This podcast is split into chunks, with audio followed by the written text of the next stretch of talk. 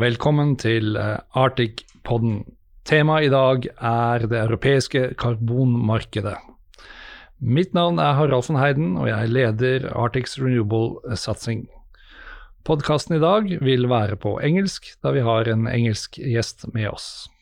Velkommen til Arctic-podden. Aktuelt fra finansverdenen.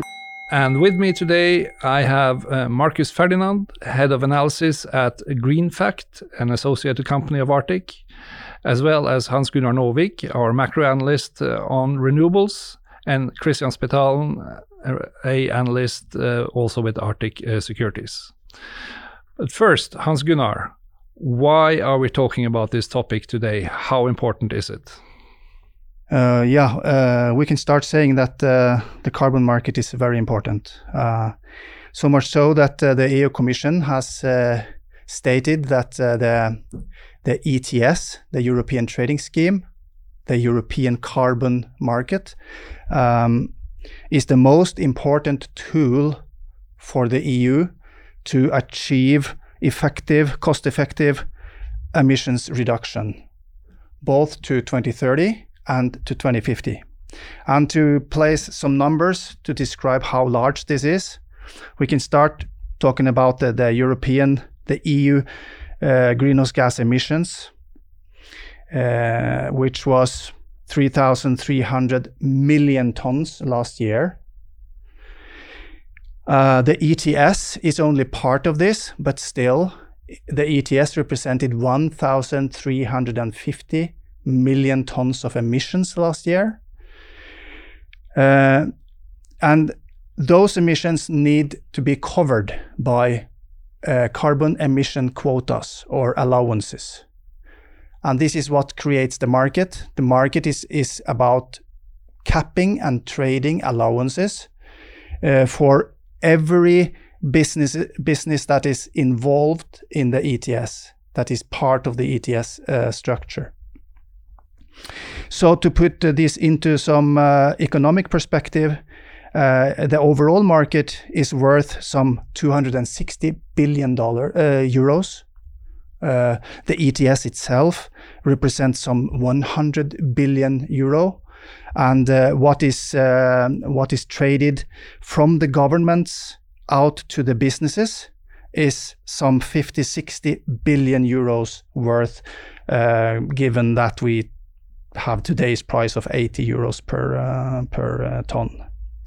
And uh, uh just to be sure, more than 15,000 entities, uh, stationary installations of emission, is part in this system. So practically everything within industry, everything within power, and even domestic aviation is part of the system today. So yes, this is very, very important. And uh, Marcus, just in layman's term, uh, explain to us where kind of the EU ETS sits in the grander scheme of things. There are uh, several carbon markets out there globally, and that can create confusion, I guess, for for people uh, starting to look into this. Can you just start from the top down and guide us where the EU ETS sits in this global marketplace. Yeah, absolutely. I mean, I think the, the big distinction that we need to make is uh, between voluntary and compliance carbon markets. So, what Hans Gunnar just described is the EU's answer to the compliance setup,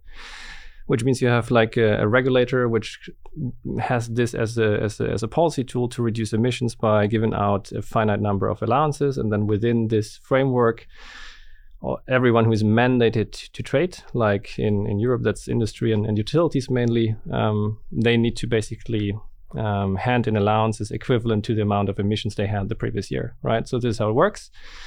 The cap is decreasing over time um, in order to incentivize emission reductions to happen.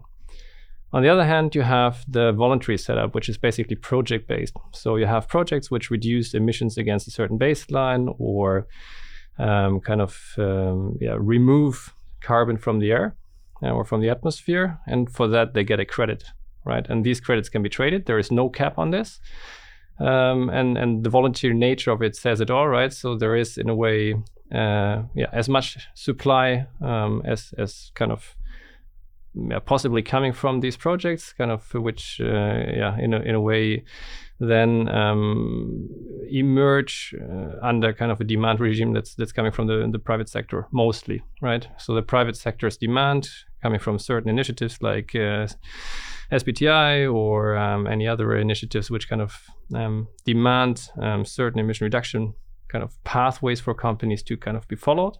For that, uh, to a certain extent, you can use these voluntary credits. And then um, I would say so. So these ones are kind of the this, that's the main distinction. Then within the compliance setup, you have lots of different systems. So the ETS is the largest one by vol by kind of value. Um, in terms of volume, you have uh, the the Chinese system, which uh, became operational last year, which is larger than the ETS, but the trading vol- and the trading value is much lower, um, given the the frequency of trades and given the price levels. Um, you have a, yeah, some US-based systems like uh, the Western Climate Initiatives, uh, WCI, and, and, the Regional Greenhouse Gas Initiative, uh, RGGI. And you have an emerging um, amount of, of schemes in this compliance setup, which, uh, yeah, in a way, kind of um, are set up also to reach the uh, the Paris Agreement goals. Right. I think the latest announcement was uh, was was just a few days ago in Brazil, um, where there is um, an attempt to kind of set up such a such a system.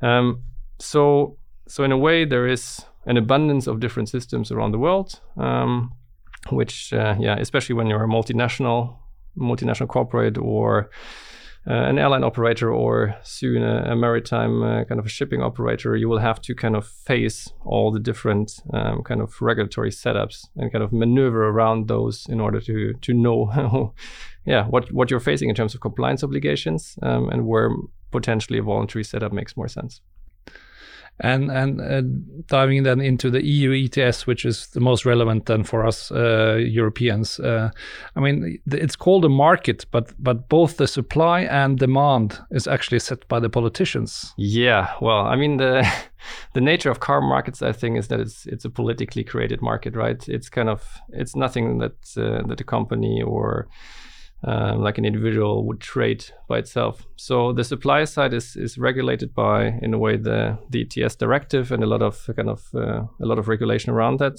So it's a very strict set of rules that basically um, push these allowances or make these allowances available to the market either via auctions or free allocation. So that depends on on on, on which position you're in, in in the market, on, on which track you you will have to uh, yeah to get active on.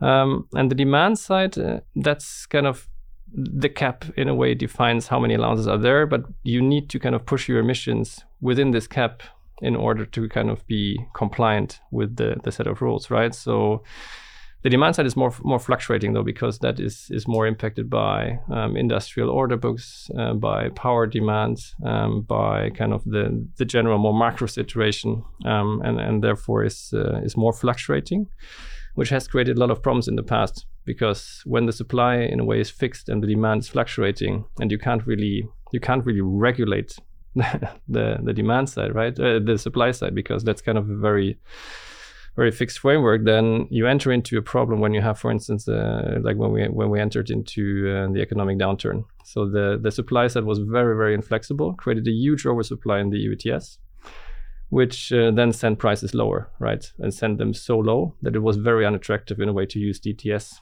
as a mechanism to steer um, emission reductions. I mean, at a price of four euros or so per ton, no one dares to kind of use that as an investment signal for investing into abatement technologies, right? So this has changed.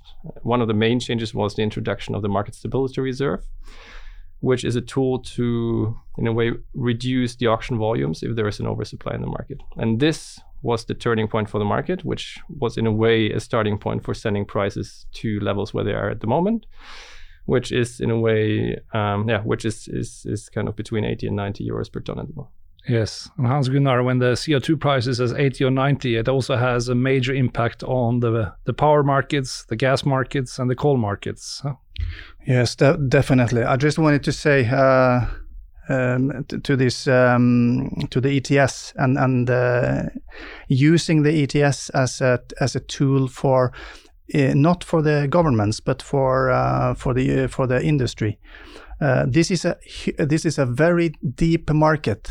Uh, at um, uh, what I can understand, last year you had a second-hand traded volume of 600 billion euros in this market, uh, if that's uh, that's correct. Yeah, well, which, a bit higher, 680, I think. Yeah, okay. Which, uh, yeah, is so, details, right? yeah. So, so this means uh, one interpretation of this is, of course, that um, ad, uh, an industrial project can de-risk its uh, its investments because this market is so deep. You you can all practical in all practical senses, you can use this market as a de-risking tool and then and then you can see that th- this is this is um, this is really working for uh, transition because you can use this market uh, and now is, is uh, there is a de- debate going on uh, how how deep this will be because uh, there are some criticism to to what kind of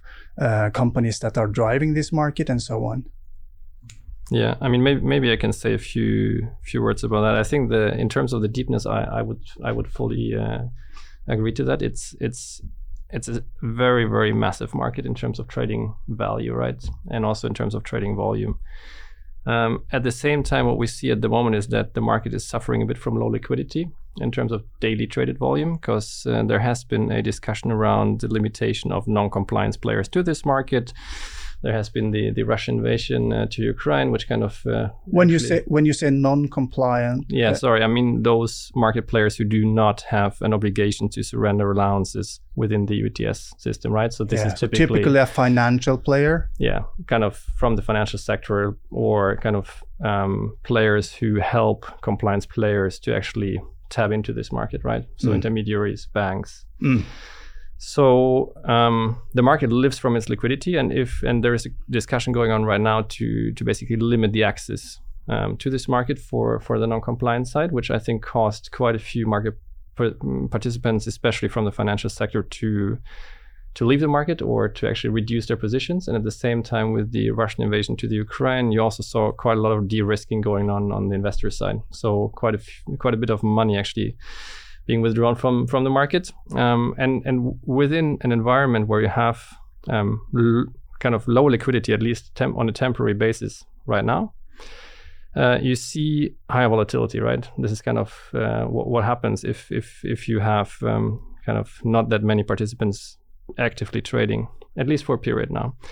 Which means even at price levels of 80, 90 euros, which looks extremely attractive from an investment perspective, um, the high volatility that you see and the fluctuation in prices, I think creates an environment right now where we are at the position where there is actually there, there would in theory be a big push for investments into abatement technologies, but I think there is quite a few market participants at the moment very cautious in terms of how stable this price level is. And I think this this debate around um, restricting kind of market participation for the non-compliant side is not very helpful. Exactly. Mm. Christian, you are covering uh, Norske Skog, uh, listed company in Norway. Uh, they are also quite affected by the CO2 price. Uh, how much? Yes, correct. So, so uh, for those who don't know, Norske Skog is a paper producer. So, publication paper that's newsprint and magazine. And to to put the CO2 in uh, perspective, last year they had an EBITDA, just the EBITDA of 660 million NOK and 12% of that was pure CO2 quotas sales, so surplus quotas. And they also had an indirect effect of uh, further 44%, which was CO2 compensation. So there's there's two elements here. The one is the CO2 quotas, which we have talked about. I mean, uh, the pulp and paper industry get allocated a certain amount of quotas. So one quota is is one ton of CO2 and um, and then um, Norske Skog, uh, I think they received last year uh, 420,000 tons or units, right? And then the they surrendered 233,000. So they had like a surplus of 187,000 and they can sell that directly in the market. So they're kind of long CO2 quotas or the prices. Uh, so I think they they made about 80 million NOK on that last year. And then there's the second element here, which is the CO2 compensation, which you you kind of touched a bit upon. Um, with the uh, so with the higher CO2 prices, comes higher power prices and etc., which they kind of the power producers lift over to the consumer, right? So in order to avoid carbon leakage, um, you get compensation for that increased energy costs. So that that is that's a bit complicated calculation, but it's it's a function of last year's price on uh, like the average price through the year, and some emission factor and alternative cost and electricity consumption, and then you like receive a compensation, which kind of puts you in a net zero position. And so in total last year it was kind of direct plus an indirect effect of 56% of the EBITDA was CO2.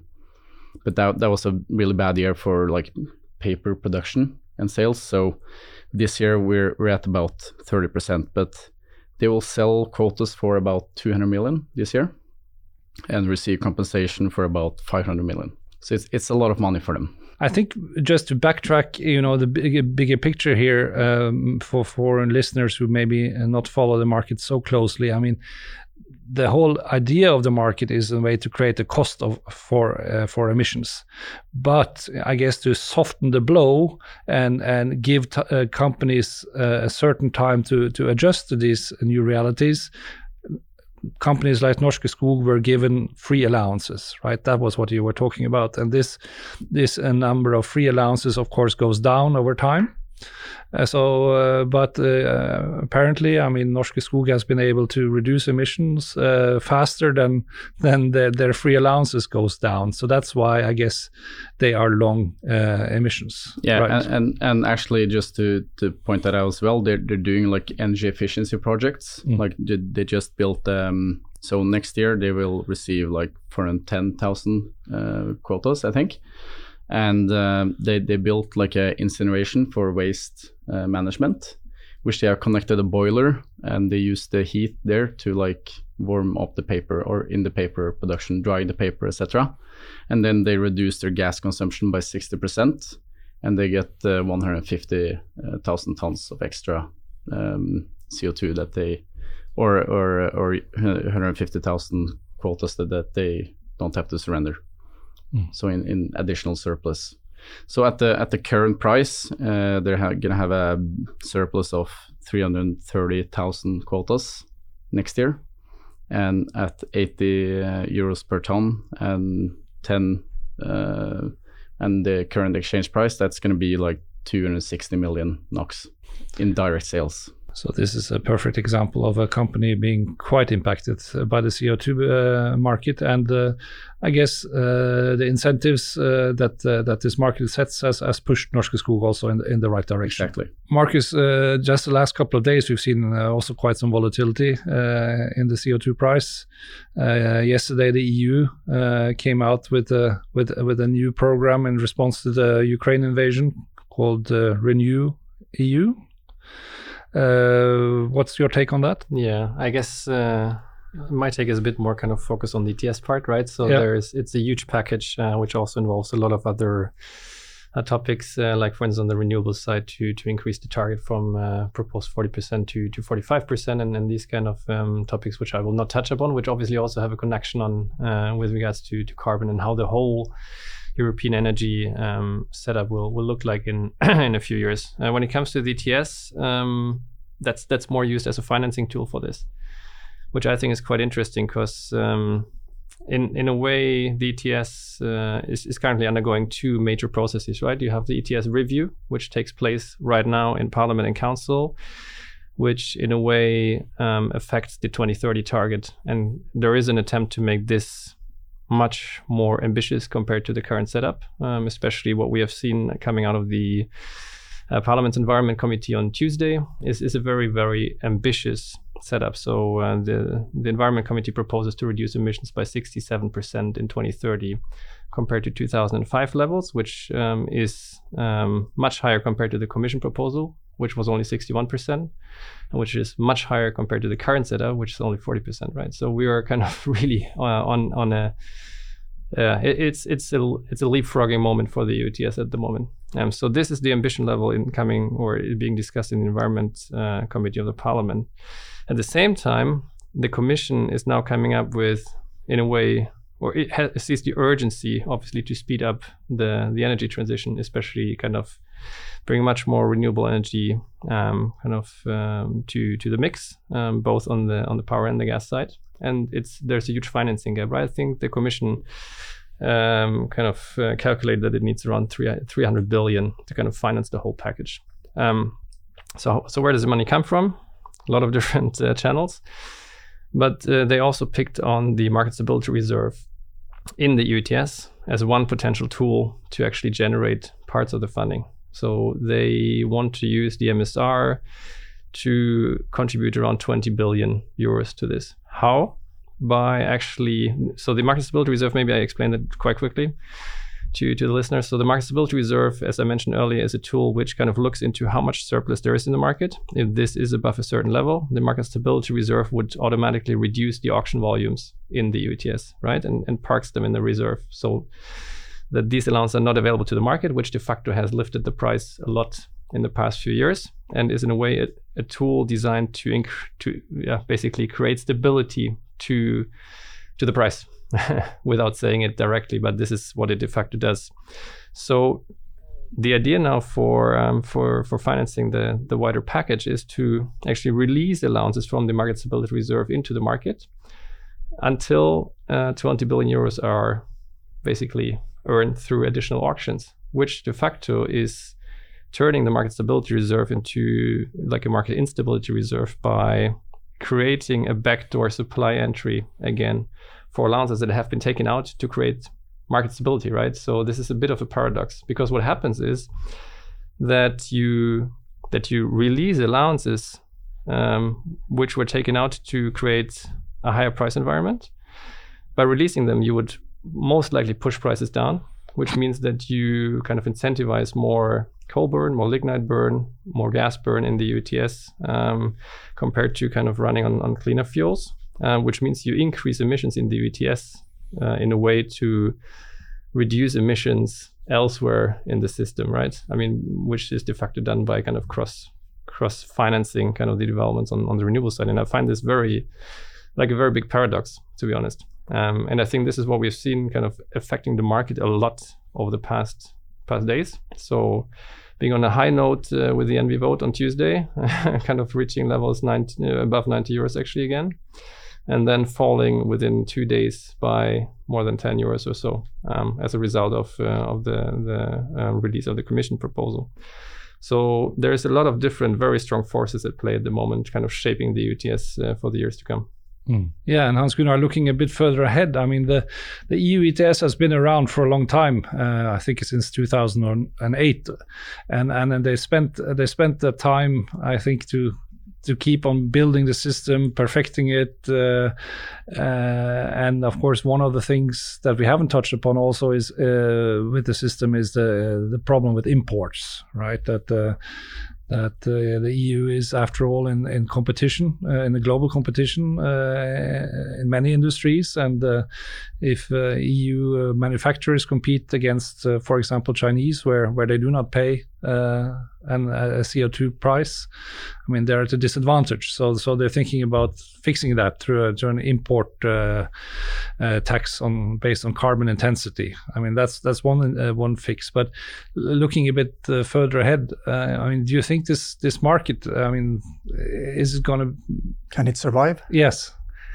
Uh, yes, I think so. Uh, because uh, even after uh, telling the market now that uh, they will sell back quotas into the system from the from the reserves, the price is dropping down to 80. But maybe that is fair given the circumstances that everything. Is, I mean, it, it's a cost problem in for living in Europe at the moment, and to me this seems to it, it seems to be an answer to the criticism that has been raised around the ETS. So I see this as, as a defensive move from the EU.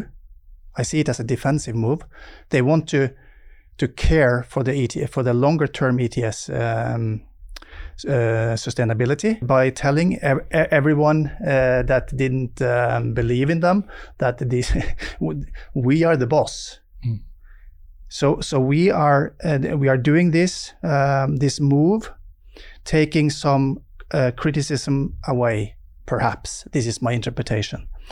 But when it comes to the long term sustainability of the system itself, I think it's. Um, on solid ground because look at the look at the motive they have been doing this since 2005 they have learned a lot and they have built and built and built and i cannot see them turning around and uh, letting this uh, this um, tool um, go away mm. it it is um, that will be a disaster the, and especially now when when uh, you have a um, when you have a market looking at energy resilience mm. as maybe the top priority over uh, climate. Mm. Maybe resilience comes first and then climate second. One year ago, it was the other way around. But now I, th- I think, um, yeah, this is this is my uh, my belief. This is this is not an analysis.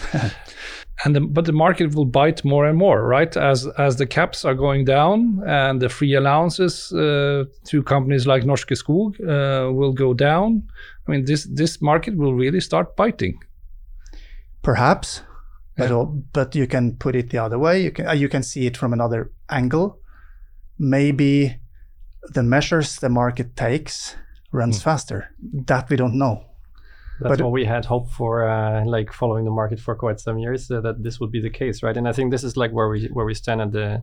It's a turning point. I think in the market It's a very decisive point actually, because because I think uh, we we have lots of different conflicts coming together here. Um, and and I think you, you mentioned kind of the the criticism that this market has faced as well to probably be too highly priced mm-hmm. um, mm-hmm. in in regards to kind of uh, um, yeah, for for kind of industries to to bear the effect. Um, and I think this is, in a way, policymakers have worked towards this point since years, right? That it happens so fast, like pushing prices from 20, 30 euros to 80, 90 euros within a year's time. I think this is what very few, if any, uh, anyone had expected. And I think this has created uh, this this whole discussion, right? How high can the ETS be in order not to harm industries, but in a way to kind of yeah make the transition happen? Mm-hmm. Uh, I mean, I would ask the other question like, why did industry, uh, especially the industrial sector, not act faster in the past, right? When prices were relatively manageable, when there was a possibility for this to go actually quite high. And this is what a lot of analysts uh, predicted. Um, but there was uh, quite a lot of uh, lagging reactions in a way, right? And I think we're now in a situation where, in a way, the market is running out of fuel switch potential, right? So the possibility um, to switch basically from coal, from the more carbon intensive coal and lignite burning to gas. I mean, the whole situation is, is turned around anyway now uh, with regards to, to the high gas price, but this is the, the theoretical concept within ETS. You use the, the, the carbon price to push coal and lignite out of the margin and basically make make gas plants more attractive to run, which reduces emissions. So this is called fuel switching.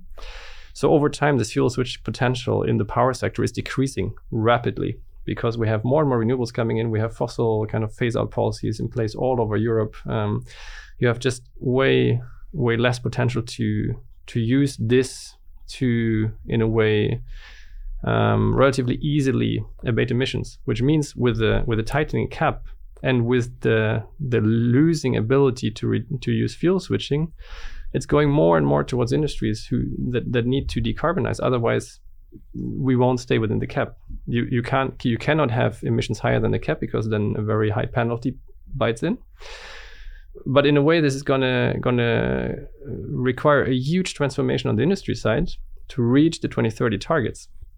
And this is what, especially the financial side, actually saw, especially last year, mm-hmm. um, which uh, kind of took quite quite significant net long positions in order to kind of preempt this this whole um, scarcity um, element that we see in the EU ETS. And I think to discuss now that the price is too high is in a way uh, completely against what this mechanism is supposed to do. Because without believing in this EU ETS price, then this brings us towards the decarbonization pathway we we, we need in order to kind of um, kind of maintain our uh, um, kind of commitments towards the Paris Agreement and, and to kind of push Europe towards the net zero pathway, we will fail, right? And that's mm. the big that's the big discussion now, where I think a lot of member states are working heavily and lobbying heavily um, against these high EU ETS prices.